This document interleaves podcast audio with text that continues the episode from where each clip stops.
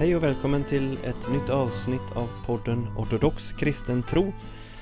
Jag heter fader Mikael Fälthammar och jag är präst i Kristi uppståndelses ortodoxa kyrka i Göteborg som hör till Antiochias grekisk-ortodoxa kyrka.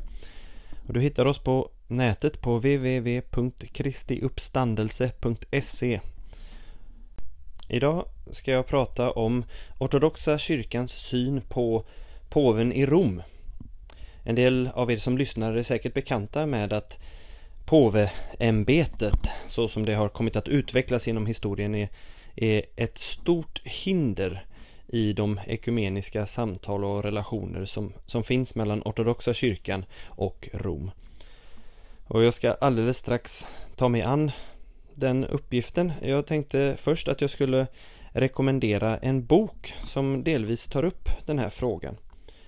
Och eh, det är boken Trons sanning och glädje som är skriven av patriark Daniel av Rumänien. Alltså rumänska ortodoxa kyrkans patriark. Den här boken den är utgiven på Artos bokförlag och Anastasis Media AB 2013. Den hittar man på www.artos.se och i den här boken så eh, sätter, eh, så talar patriark Daniel om ortodox kristen tro i vår moderna kontext och i vår samtid och vilka utmaningar som möter ortodoxa kyrkan i, i den här samtiden. Han, han pratar till exempel mycket och väldigt klokt om eh, sekulariseringen och hur kyrkan ska bemöta den. Han talar bland annat om Eh, kontrasterar upplysningsfilosofin och Filokalias upplysning och talar om det självtillräckliga och det bedjande förnuftet på 1700-talet. Eh, han talar om hur kyrkan ska vara trogen i samtiden och han talar också som sagt lite granna om ekumeniska spörsmål och belyser på ett bra sätt tycker jag ortodoxa kyrkans hållning i de ekumeniska samtalen. Eh, det finns många, många bra eh, delar i den här boken. Den är uppdelad på åtta längre delar och 23 kapitel allt som allt. I, uppdelat på de här åtta delarna. Boken är 369 sidor lång och du hittar den som sagt på www.artos.se Detta bokförlag som sponsrar den här podden. Vill du stötta den här podden så kan du swisha en gåva till den församling där jag jobbar. Och då kan du göra det på swishnummer 123 278 8099. Alla gåvor uppskattas och gör vår församlings arbete möjligt.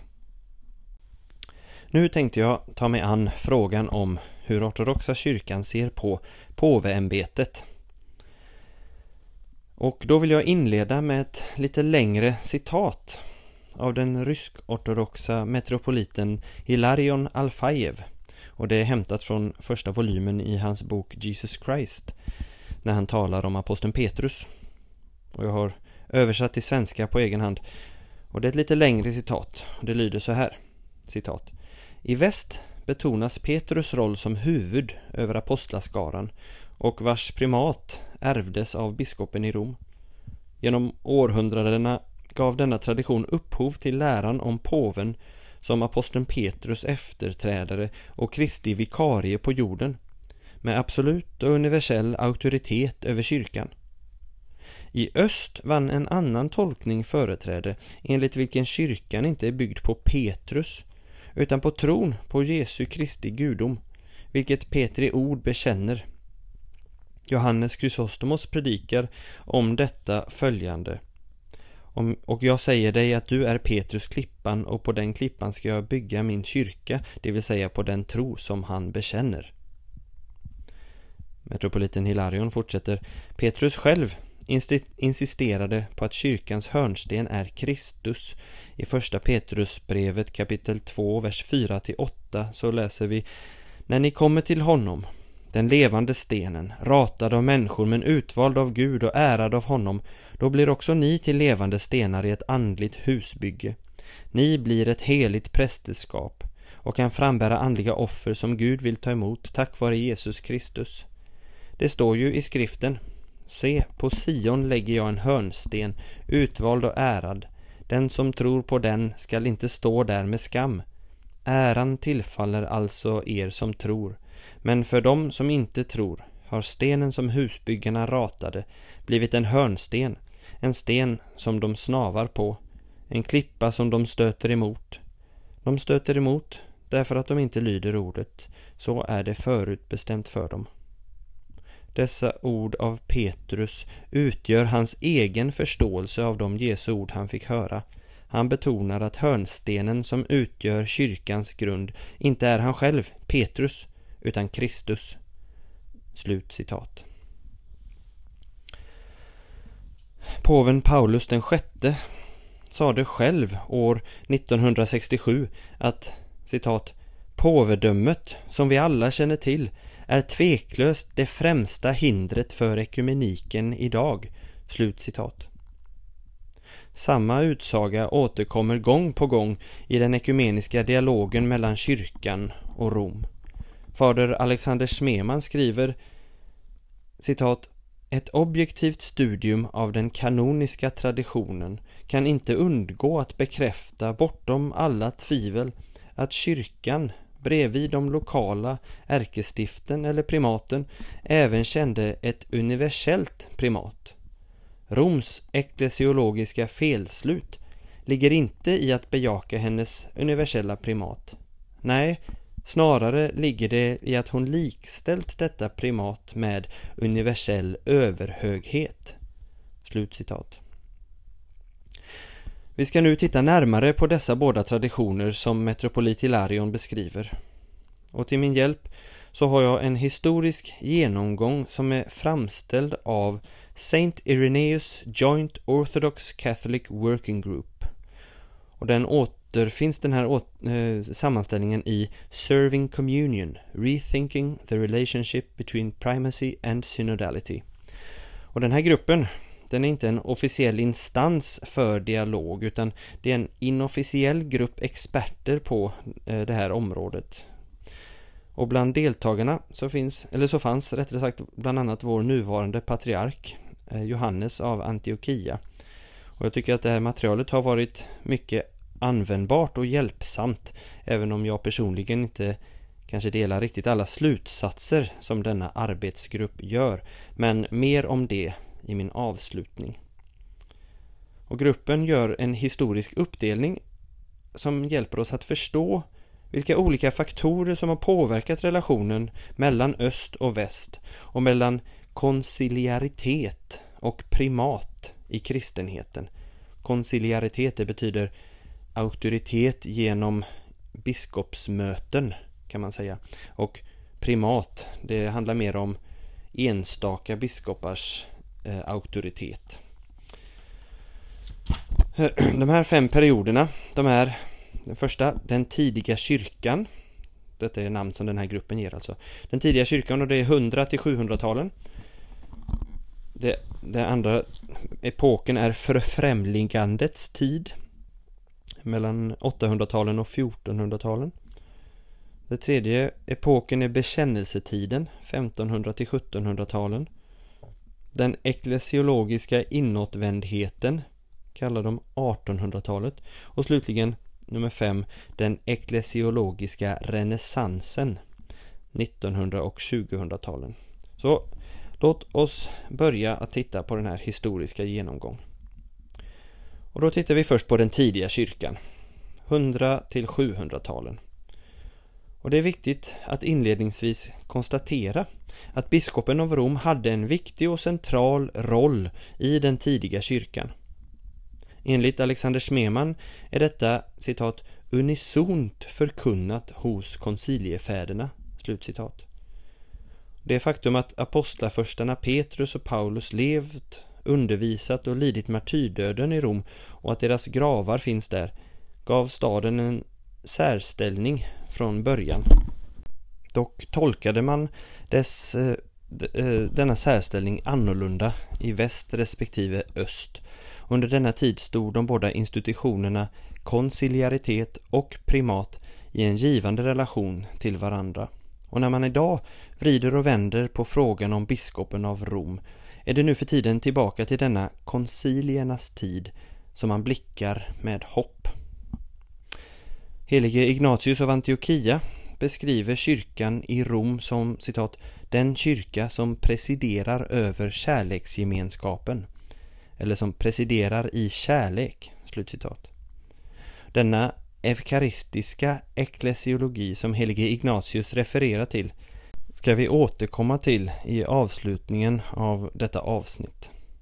Roms ställning visar sig också i det faktum att helige Klemens brev till kyrkan i Korint årligen läses högt under en söndagsliturgi vilket stadens biskop Dionysios kring år 170 efter Kristus omvittnar. Påskstriden på 200-talet vittnar ytterligare om det inflytande biskopen av Rom hade då Viktor, som då innehade ämbetet, försökte utesluta kvartodecimanerna och då fick helige Ireneus bland annat rycka in till eh, de senares försvar och till försvar för enheten i mångfald generellt. Helige Kyprianos talade om Rom som den kyrka, citat, från vilken allt prästerskap har sitt ursprung, slutcitat, och där Petri stol fanns, i vilken förvisso alla biskopar hade del enligt densamme vilket sätter ljuset på påvens beroende av hela kyrkans episkopat för ett rätt utövande av sin tjänst. Ett tungt vittnesbörd för Roms auktoritet vid den här tiden kommer från den helige Maximus bekännaren, Östroms främste teolog på 600-talet, som i stridigheterna kring Kristi viljor hänvisade till citat romarnas allra heligaste kyrka, slutcitat som inte bara var främst bland kyrkorna med rätt att binda och lösa utan även betygade att alla kristna borde betrakta denna kyrka som citat det eviga ljusets sol. Slut citat. Här är det viktigt att läsa ett sådant citat i sin historiska kontext och se att det både i öst och väst vid denna tid fanns få men starka försvarare av sann ortodoxi läran om Kristi två viljor. Och dessa båda var den nyss nämnde Maximus och själve påven av Rom, Martin. Notera dock, före Maximus hade patriarken av Konstantinopel, Sergius, skrivit till påve Honorius för att be denne stödja honom i läran om Kristi enda vilja, alltså den falska läran här. Och Honorius gjorde så vilket medförde att han förklarades vara heretiker av sjätte ekumeniska konciliet. Och av detta ser vi att bruket begagnades av kyrkmän från alla håll, vidare att även en påve kan vara heretiker och slutligen att konciliet avgör huruvida en lära är ortodox eller inte, alltså inte en enda man, påven. Att söka hjälp och stöd från biskopen av Rom förekom ofta i den tidiga kyrkan, inte minst i anslutning till de teologiska och kristologiska striderna på 300 och 400-talen. Den helige Johannes Chrysostomos, Kyrillos av Alexandria till exempel och senare även Theodoros av Studion gjorde det, även om den sistnämnde ju levde på 800-talet. Fjärde ekumeniska konciliet i Kalsidon tog emot påve Leos brev med orden citat Petrus har talat genom Leo slutcitat och erkände därmed biskopen av Roms apostoliska auktoritet. Samtidigt kompletterade konciliefäderna denna auktoritet genom att även skriva att citat Fromt och sant lärde Leo, så lärde även Kyrillos. Slutcitat. Och rätten att appellera till Rom bejakades till exempel av kanonisten Theodoros Balsamon på 1100-talet. Men han ger istället patriarken av Konstantinopel denna rätt eftersom Rom vid den tiden skilt sig från de övriga kyrkorna. Påvarnas syn på sig själva då, vid den här tiden? Ja, det är ganska långt ifrån hur det kom att låta vid första Vatikankonciliet på 1800-talet. Både påven Leo och Gregorius betonade vikten av lokala och regelbundna biskopssynoder i Västeuropa och deras egen funktion var att bli informerade om vad som beslutades på dessa synoder, att bejaka detta och gripa in enbart då de lokala auktoriteterna, alltså biskoparna, inte kunde nå tydliga beslut och mål eller om de hemföll åt villolära. Synen, som på, eh, eh, synen på påveämbetet som framträder av denna korta framställning är att biskopen av Rom hade en särskild position som den främste bland jämlikar och i synnerhet att bejaka och bekräfta ortodoxa konciliers beslut och formuleringar. Detta trots att påven själv aldrig ens var närvarande vid de ekumeniska koncilierna i egen hög person utan blott fanns representerad genom sina delegater. Det finns ingen fastslagen modell för exakt hur konciliaritet och primat samverkade under denna tid. Det skedde dynamiskt och berodde på omständigheterna. I och med Västroms fall på 400-talet och islams erövringar på 600-talet kom maktbalansen i kyrkan att ändras, vilket mycket tydligt påverkar nästa segment i den historiska uppdelningen. Och nästa segment kallas då för förfrämligandets tid och sträcker sig från 800-talet till 1400-talet. Schismen mellan det grekiska öst och det latinska väst var resultatet av en lång process av ömsesidigt förfrämligande som ägde rum mellan 800 och 1400-talen. Och detta kunde ske på grund av en rad olika faktorer, inte minst språkliga. Latin kunde endast förstås med svårighet i det grekiska österlandet och på samma sätt var det få som talade grekiska i väst. Olika politiska faktorer spelade också in. Biskopen av Rom fick avträda östra Illyrien från sin jurisdiktion. Det är alltså dagens västra Balkan. Och förlusten av de bysantinska landområden i Italien gjorde att påvedömet riktade blicken mer mot det karolingiska riket och odlade allt större misstro mot Bysan. Bysans. Vidare tog sig påven av Rom större juridisk rätt över sådant som tidigare legat på de lokala synordernas bord. I väst kom de gregorianska reformerna i slutet av 1000-talet att ge en högre grad av juridisk förståelse och fokus på primat. I samband med det överbetonade man biskopen av Roms roll, vilket inte kunde accepteras i Östrom.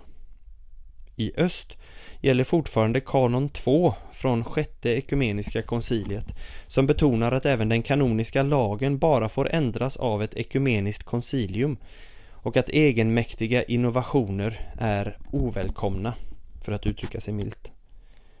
Citat Ingen får överträda eller strunta i någon av dessa förutnämnda kanones eller acceptera andra bredvid dem om någon ändå påträffas med att komma med kanoniska nymodigheter eller ogiltig förklara någon av dessa förutnämnda kanones, då ska denne straffas enligt vad den kanoniska lagen säger och på så vis botas från sin överträdelse. Slut citat. Till dessa faktorer kom också teologiska och liturgiska. Delvis den ikonoklastiska striden som inledningsvis missförstods av karolingiska teologer. Och inte minst filioquestriden som på 800-talet ledde till en faktisk, om en tillfällig, schism mellan Konstantinopel och Rom. Patriarken av Konstantinopel, den helige Fotius den store, menade att denna fråga var så allvarlig att den var kyrkosplittrande. Schismen som även berörde frågan om påvens jurisdiktion varade i fyra år mellan 863 och 867.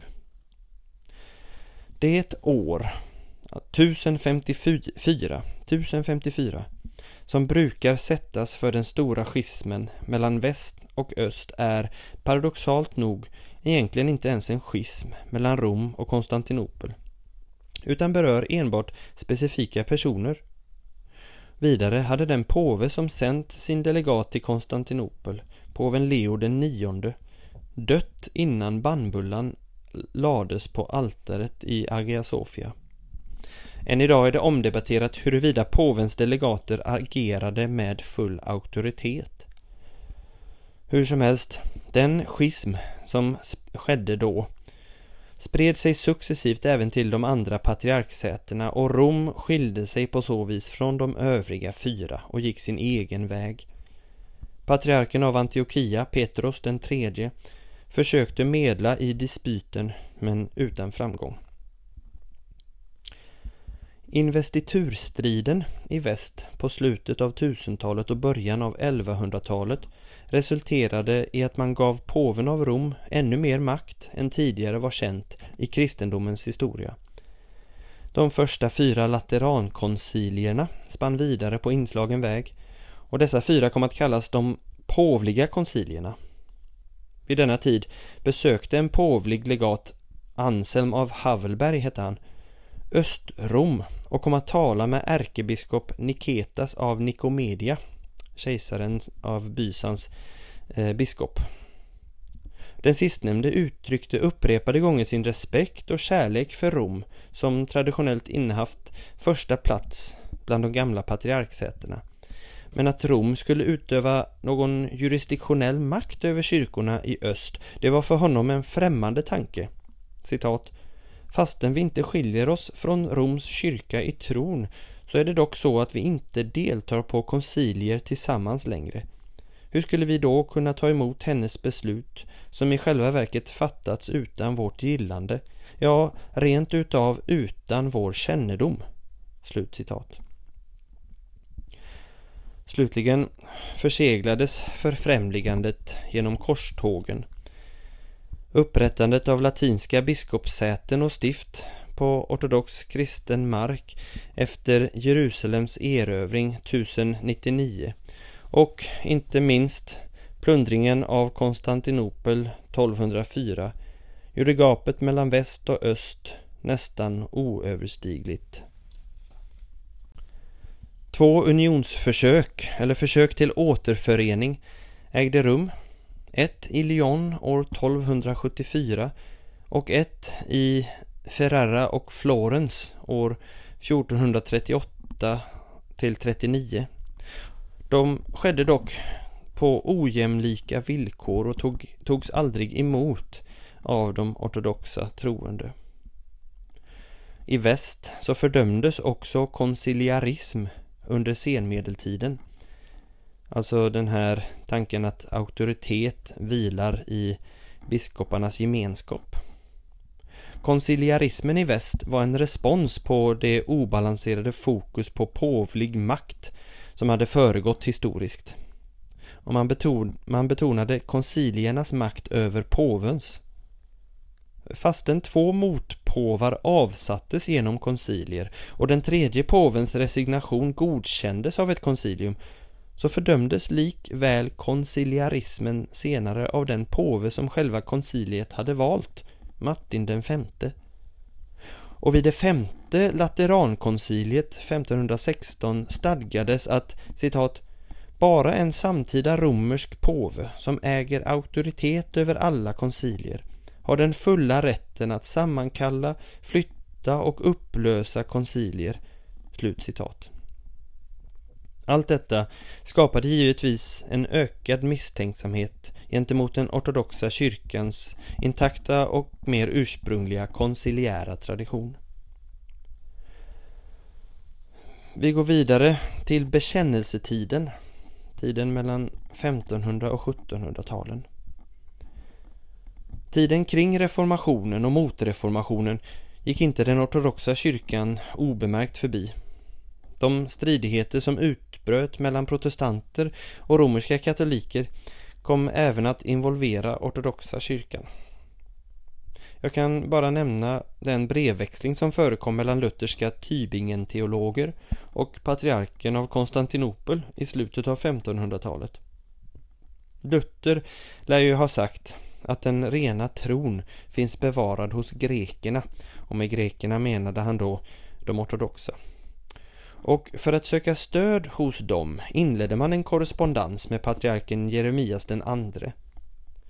Detta ledde inte till de mål man hade önskat vilket sammanfattas av patriarkens ord i ett av de sista breven han skickade år 1581. Citat. Vi ber er därför att ni framgent inte orsakar oss mer, äh, mer sorg eller skriver till oss i samma ämne om ni önskar handskas med dessa kyrkans ljus och teologer på annat sätt. Patriarken syftar på kyrkofäderna. Han fortsätter. Ni ärar och upphöjer dem med ord, men avvisar dem i ert sätt att handla. Ty ni försöker bevisa att våra vapen, vilka består av deras heliga och gudomliga undervisning, är olämpliga. Alltså, beträffande er, vänligen avstå från detta. Sköt ert eget och skriv inte längre om dogmatiska spörsmål. Men om ni skriver, gör det då bara för vänskaps skull. Far väl. Slutcitat. Man kan väl också konstatera här att patriarkens ord angående hur vissa protestanter använder sig av kyrkofäderna fortfarande är synnerligen aktuella. Ehm, att man kan upphöja dem i ord men eh, avvisa dem i sitt sätt att handla och läser dem gärna ur sin kontext och så vidare. Hur som helst, jag fortsätter om denna bekännelsetiden. Och i, i, takt med att stridigheterna ökade började man definiera sig mer och mer konfessionellt i väst. Och detta kännetecknar framförallt den reformatoriska striden då, men påverkade som sagt även ortodoxa kyrkan. Det förekom att ortodoxa författare använde sig av katolska argument mot protestanterna och protestantiska argument mot katolikerna. Men man kunde också använda sig av ortodoxa argument från de båda andra hållen. Så citerar till exempel konciliet i Trento helige Nikolas Kabasilas om Kristi reella närvaro i eukaristin. Peter den stores modell för hur ryska kyrkan skulle styras synodalt har påverkats av protestantismen. Och motreformationen fick till följd att den romerska kyrkan betonade eh, exklusivt, eh, sin exklusivitet och påvens auktoritet i högre grad. Frälsning var nu ännu tydligare avhängigt av förening med Rom och då som personifierad i påven. Och synen på alla kristna utanför romersk-katolska kyrkan blev dyster och fick konkreta följder. En av de viktigaste följderna av detta var att man inledde proselytism, alltså mission, bland ortodoxa kristna. Unionen i Brest och Ushorod är två exempel och ännu vanligare förekommande var det i Mellanöstern där dominikansk och jesuitisk mission bland ortodoxa fick till stånd splittring i alla östliga och orientaliska kyrkor vilket i sin tur ledde till ökad misstro från ortodoxt håll gentemot Rom. Som bekant befann sig kristna under Osmanska riket i ständigt pressad situation och man skickade regelbundet delegater, ibland självaste patriarken av Antiochia till exempel, till rumänska och ryska förstar för att äska och tigga pengar till diverse nödvändiga utgifter, hemlig reparation och renovering av kyrkobyggnader eller eh, mutor till osmanska tjänstemän eller vad det nu kunde vara. När vi också uppehåller oss en stund vid det Osmanska riket så är det värt att nämna att staten där organiserade de kristna oavsett konfession under patriarken av Konstantinopel.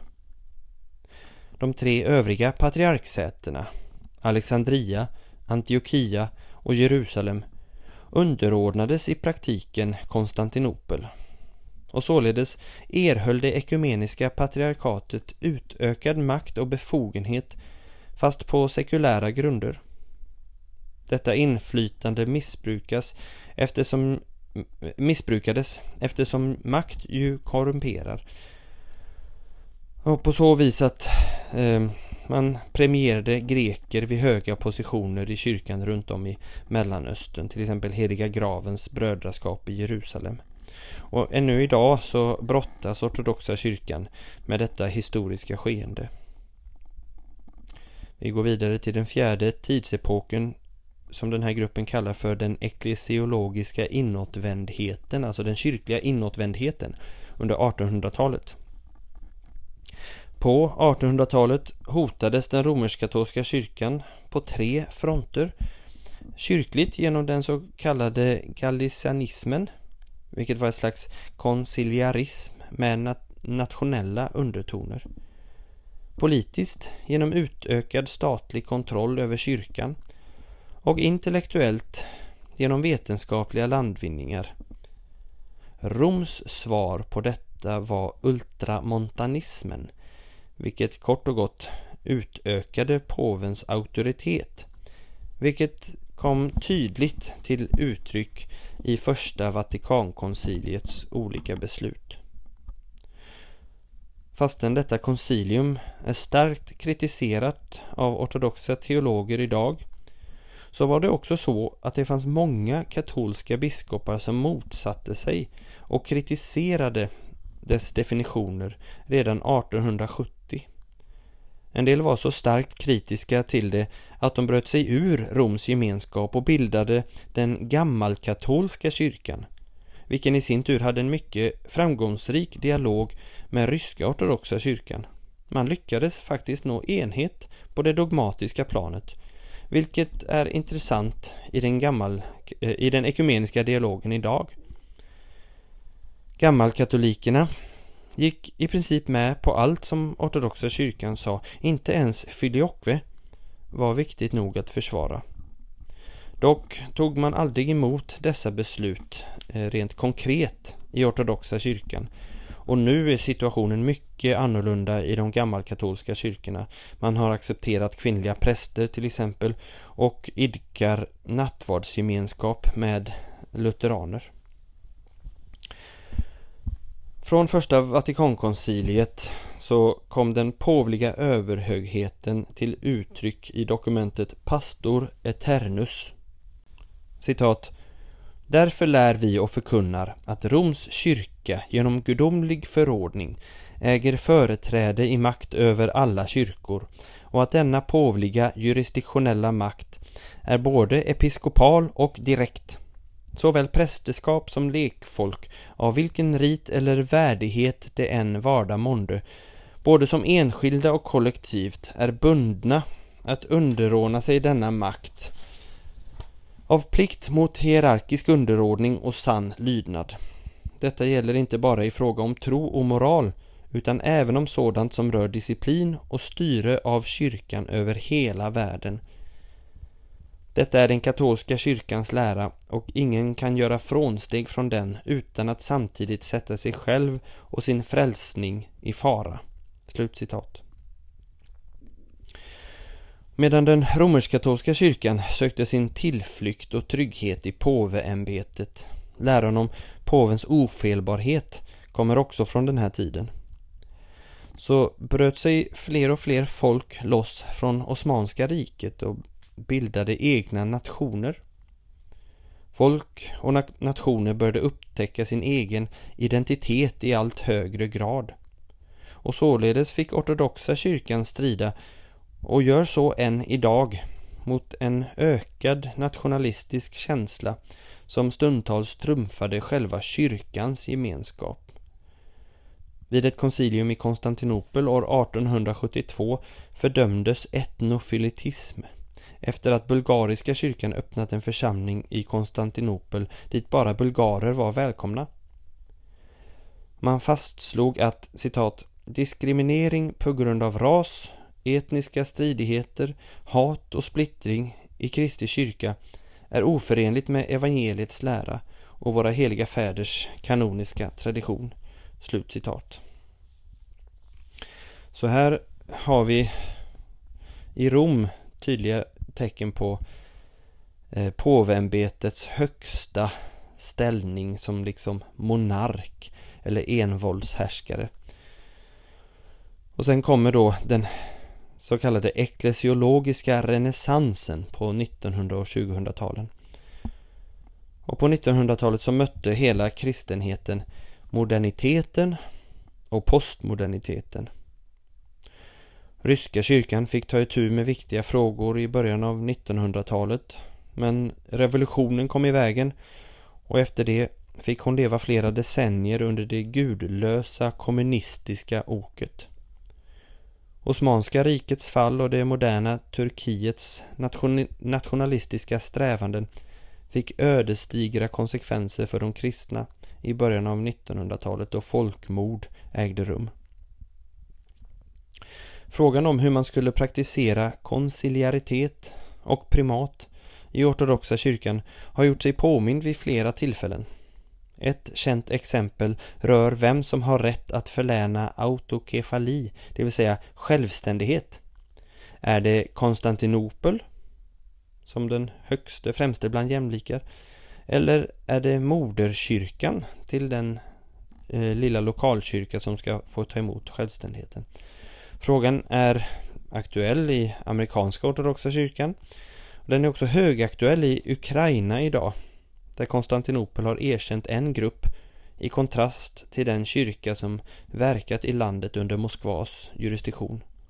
Allt beror på hur man tolkar kyrkorätten och det avgörs ju som bekant av ett ekumeniskt koncilium. Alltså har 1900-talet präglats av att förbereda för ett stort allortodoxt möte och ett sådant ägde rum på Kreta 2016 och alla självständiga kyrkor var inbjudna till detta möte på den ekumeniska patriarkens initiativ i samråd med de andra. Dock drog sig Antiochia och Moskva, Bulgarien och Georgiens kyrkor ur i sista stund varför alla inte var representerade på detta möte. Antiochia vill idag betrakta det som ett förberedande möte i väntan på det verkliga konciliet. Oavsett hur man betraktar Kretamötet så är det ett viktigt steg framåt för ortodoxa kyrkan att praktisera konciliaritet och primat i den moderna världen på en universell nivå. Det måste man bejaka. Vad gäller den romersk-katolska kyrkan så kom en liturgisk och patristisk renässans att spela stor roll för utvecklingen under 1900-talet. Dessa båda rörelser var inspirerade bland annat av ryska emigranter som flytt till väst undan kommunismen. Rörelserna kom att påverka andra Vatikankonciliet i hög grad. Fastän konciliet likväl måste betraktas med viss skepsis för hur det har tagits emot i den katolska världen. Ändå, en av de viktigaste symboliska händelserna under detta koncilium var att man lyfte de gamla eh, anatemerna, alltså förbannelserna från 1054. Påven i Rom och patriarken i Konstantinopel. Och vidare betonar konciliet i dokumentet Lumen Gentium biskopskollegiets roll i Roms kyrka, vilket för romersk eklesiologi närmare ortodoxa kyrkans ståndpunkt. Man lämnade också den eklesiologiska exklusiviteten bakom sig i det ekumeniska dokumentet där man uppvärderar ortodoxa kyrkan och säger sig vilja samtala på jämlik nivå med henne. Detta är ju givetvis välkommet från ortodoxt håll. Likväl anses Vatikanum II inte gå tillräckligt långt vad gäller att omformulera eller ändra första Vatikankonciliets utsagor om påvens ofelbarhet och överhöghet. Sedan andra Vatikankonciliet har en hel del hänt, inte utan skepsis som sagt, beträffande relationerna mellan de ortodoxa och påven. Jag ska tala lite om det så småningom. Men nu så står vi alltså här, nu i den nutida situationen. Och då får vi fundera kring vilka möjligheter och utmaningar som finns. Ortodoxa kyrkans syn på auktoritet i kyrkan grundar sig i hennes treenighetsteologi. Helige Maximus bekännaren säger att citat, kyrkan är en ikon av treenigheten, slutcitat. I treenigheten, så bekänner vi, är Gud ett väsen i tre personer. Där råder full enhet i gemenskapen, enhet i mångfald. Och detta tar sig uttryck till exempel i Apostoliska kanon 34 från 300-talet. Citat. Biskoparna för varje folk bör veta vem som är den förste bland dem och betrakta honom som deras huvud. De bör inte vidta några viktiga åtgärder utan att ha inhämtat hans uppfattning. Var och en bör endast företa sig det som angår hans område, alltså stift, och den landsbygd som hör dit. Men även han, den främste, skall inte göra något utan att ha inhämtat allas uppfattning. På så sätt kommer man nämligen att uppnå endräkt och Gud blir förhärligad genom Kristus i den helige Ande. Slutcitat. I denna kanon förenas konciliaritet och primat enligt ortodox tradition. Detta uttrycktes av greken Athanasius år 1357 i hans svar till den romerska legaten Petrus Thomas. Thomas invände att det i kyrkan krävs ett enda huvud, men det finns tolv apostlar. Borde det inte finnas tolv huvuden? Athanasius svarade, citat, De tolv apostlarna, episkopatet, utgör ett enda huvud, liksom personerna i gudomen utgör endast en, och på samma sätt bildar alla troende en enda kropp. Slutcitat. Man kan alltså sammanfatta den ortodoxa stund, ståndpunkten med följande citat av patriark Daniel av Rumänien från den boken jag rekommenderade i inledningen av detta avsnittet. Han skriver så här. Citat. I ljuset av den 34 apostoliska kanon uppfattar den ortodoxa teologin att primus som tjänar koinonia är primus inter pares, alltså den främste bland jämlikar, och inte unus super omnes, alltså en över de andra, en över alla. Han är ett redskap eller en tjänst för att förverkliga gemenskapen och inte en enhetens yttersta princip. För enheten är koinonia själv. Enheten är gemenskapen själv. Detta förklarar varför det yttersta uttrycket för enheten, liksom en autokefal lokalkyrkas högsta auktoritet, inte är patriarken själv utan den heliga synorden, det vill säga den koinonia som består av de olika stiftens biskopar. Slutcitat. Här framträder ett primat vars syfte är att tjäna i kärlek och som inkarneras framförallt vid firandet av eukaristin, nattvarden, som helige Ignatius är inne på redan i början av hundratalet. Och denna syn på saken kallas som sagt eukaristisk eklesiologi och har förklarats bra av sådana som Afanasiev, Sofroni och Schmeman med flera. Och det intressanta är att jag tycker mig se en dylik eklesiologisk modell förespråkas av de senaste bilaterala samtalen mellan ortodoxa kyrkan och Rom. I Ravenna-dokumentet från 2007 hänvisar man till en trinitarisk modell för kyrkan där jämlikhet finns vid sidan av en taxis, en ordning. Så i treenigheten är Fadern källa till Sonen genom födelsen och Anden genom utgåendet. Så där finns jämlikhet men också ordning. Man slår även fast att biskoparna har en särskild roll att försvara tron genom sitt ämbete och att detta sker primärt genom konciliaritet, vilket i ljuset av Roms historia på 1800-talet är ganska häpnadsväckande. Denna princip gäller på stiftsnivå och på ärkestiftsnivå och måste också gälla på universell nivå. Inget metropolitdöme eller någon patriark, alltså inte ens biskopen av Rom själv, kan ju på egen hand ändra i trosbekännelsen till exempel. Och därför behövs både universell konciliaritet eh, och ett universellt primat. Detta återfinns i den kanoniska traditionen som anses auktoritativ av både ortodoxa och katoliker. Och denna kanoniska tradition nämner inte Petri stol överhuvudtaget utan refererar enbart till staden Roms ställning i riket. Rom tillmättes en första hedersplats men det innebar inte jurisdiktionell överhöghet som Rom kom att tolka det genom historien.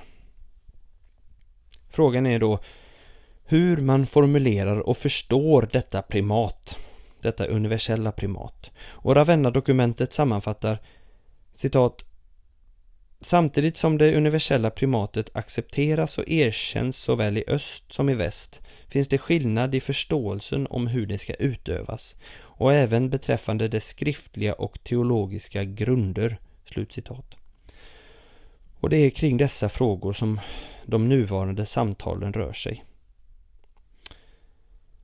Det finns en grupp, den nordamerikanska ortodoxa och katolska teologiska konsultationsgruppen, som bara betraktar sig själva som en rådgivande institution. De sammanfattar i ett uttalande från 2017 hur en väg framåt skulle kunna se ut. De önskar då lägga fokus på primat och konciliaritet som båda är i tjänst för kyrkans enhet. Vi tror, skriver de, att nyckeln ligger i detta. Primat och synodalitet måste verkligen uttryckas i tjänst för kyrkans enhet. Tjänande är både handling och inställning. Kristus är den sanna förebilden för detta. Kristus med handduken knuten kring midjan då han undervisade om ömsesidigt tjänande. Om ortodoxa observatörer inte tyckte Vatikanum II gick tillräckligt långt beträffande konciliariteten så är det nu värt att nämna att Vatikanen under hösten 2021 när detta spelas in har publicerat två dokument till förberedelse för hur man ska kunna få till stånd en mer synodal och konciliär kyrka. Frågan är om denna process kommer att tilltala ortodoxa kyrkan. Den helige Ignatius av Antiochia han presenterar den idealiska enheten i sitt brev till Efesierna, kapitel 4, vers 1. Då han skriver så här, citat. Ert ansedda presbyterium är förbundet med biskopen som strängarna vid en sittra. Därför blir Jesus Kristus en sång genom er endräkt och samstämmiga kärlek. Slutcitat. Den relation mellan koncilium och primat som inte uppvisar en dylik endräkt och samstämmighet är inte eftersträvansvärd. Den enhet som gudsbäraren uppmanar till föds också enbart ur Kristuslikhet självutgivande kärlek, ödmjukhet och tjänande. Dessa dygder måste stå i fokus. Det är en eukaristisk eklesiologi. Jag vill avsluta med några personliga reflektioner kring detta. Det har verkligen varit lärorikt att studera detta ämne lite närmare, i, syn i synnerhet hur samtalen ser ut idag. Och eh, det förekommer ju Eh, att man kritiserar romersk-katolska kyrkan utifrån eh, ska man säga, gammal data, gammal information. Men det har skett mycket positivt i samtalet med hur man ska kunna eh, förena primat och konciliaritet. Och, men samtidigt, trots att man haft så goda samtal som en del av de här gemensamma uttalanden bygger på, så är det ändå för tidigt att ropa hej till en återupprättad enhet. Vi ska inte handla förhastat på grund av en överdriven iver för enhet. Jag tror att det är sunt och gott att be för en enhet men det, man måste vara sanna eh, och inte handla förhastat. Den ekumeniska dialogen har vissa problem. Till, till exempel så menar den Nordamerikanska ortodoxa och katolska teologiska konsultationsgruppen i sitt uttalande från år 2010 att citat det för oss tycks uppenbart att vad vi delar som ortodoxa och katolska kristna vida överstiger vad som skiljer oss åt. Slut citat. Och ja, jag kan delvis hålla med. Mycket viktigt delar vi såklart. Tron på Jesus Kristus som vår frälsare och tron på den heliga treenigheten och vördandet av Maria och så vidare. Men i detta citatet tycker jag mig också se uttryck för ett slags alltför ivrig vilja till förening trots att många viktiga problem kvarstår. Och denna iver kommer till uttryck också i samma dokument i att man anser att denna föreställda återförening skulle bereda oss för citat en ny pingst. Slutcitat. Vilket rent teologiskt vore orimligt för ortodoxa. Anden är given en gång för alla i Kristi kropp. Pingsten har redan ägt rum. Nå, förvisso delar vi mycket. Men man nämner inte viktiga saker som skiljer oss åt. Nu handlar ju just de här samtalen i hög grad om synen på påven och eh, koncilierna. Ehm, så vill man problematisera och se andra frågor får man gå till andra dokument. Ehm, jag ska inte gå in på detalj i alla de här frågor som ändå skiljer oss åt men det är värt att påpeka i alla fall för att gå in i ekumeniska samtal med fötterna på jorden kring de skillnader som finns i verkligheten. Och bland de skillnader som jag anser är rättvist att nämna är delvis synen på läroutveckling inom katolska kyrkan. Dels den höga tilltron till det mänskliga förnuftets förmåga att nå sanningar i saker som rör tron. Vi ortodoxa betraktar ju även förnuftet som behäftat av skapelsens fallenhet. Och dessutom finns sedan andra Vatikankonciliet stora problem med det liturgiska livet där missbruk förekommer som aldrig skulle kunna ske hos oss ortodoxa. En del menar att filioque går att försona med ortodox tro men jag hör till dem som är mycket negativ till dess plats i trosbekännelsen överhuvudtaget och här håller faktiskt den nordamerikanska konsultationsgruppen med mig. Förlusten av det asketiska livet bland lekmän i romersk-katolska kyrkan är också en skillnad värd att nämna som tar sig uttryck i den, på den andliga nivån. Eh, ett överdrivet juridiskt fokus som kommer till uttryck i synen på syndafallet som ger eh, upphov till ny, den nymodiga läran om den obefläckade avlösen. Synen på merit och tillfyllestgörelse i frälsningsläran och även skärselden med dess fokus på straff trots förlåtelse. Och slutligen synen på sakrament och succession som giltiga eller inte. Detta är främmande för den breda fåran av ortodoxa teologer genom tiderna. Och vidare så finns det inom den romersk-katolska kyrkan en större påverkan av världsliga ideologier som i fallet till exempel med befrielseteologin och även feministisk eller queer-teologi i eh, delar av västvärlden och i Sydamerika och sådär. Och, eh, det är ju ett problem som även plågar stora delar av den protestantiska kristenheten men de har ju knappt någonting att sätta upp emot det så det kan man ju inte vara så förvånad över kanske. Men detta är något som inte förekommer i ortodoxa kyrkan förutom i små, små sekulariserade grupper i USA typ. Så det finns vissa problem som är kvar och som inte man får ringakta. Nu tycker säkert någon att jag är kapten Tråkmåns. Men eh, jag vill bara att det här ska nämnas också. Jag hinner inte gå in djupare på de här skillnaderna nu. Men jag vill avsluta med ett perspektiv som, eh, som kan vara nyttigt. Johannes Paulus den andre, en påve under 1900-talet, han talade om katolska kyrkan och ortodoxa kyrkan som två lungor som andas och, och ger liv åt den världsvida kyrkan. Det ger ju uttryck för en syn på kyrkan som vi inte delar och riktigt så optimistiska kan vi inte vara tillbaka. Katoliker erkänner vår succession och våra sakrament och många katoliker tycker nog att vi är i princip samma. Förutom att vi inte har någon påve då. Ortodoxa kyrkan, eller ortodoxa kristna, brukar se fler skillnader och vi välkomnar inte katoliker till eukaristin. Vi håller fast vid vår urkyrkliga syn på kyrkan som en enda Kristi kropp. Och ibland upplevs detta som otrevligt av katolikerna. Men den främsta ekumeniska dygden är inte trevlighet utan tålamod enligt fader George Florovsky. Så till självutgivande kärlek, ödmjukhet och tjänande får vi också foga tålamod. Ehm, med de orden så avslutar jag detta avsnitt.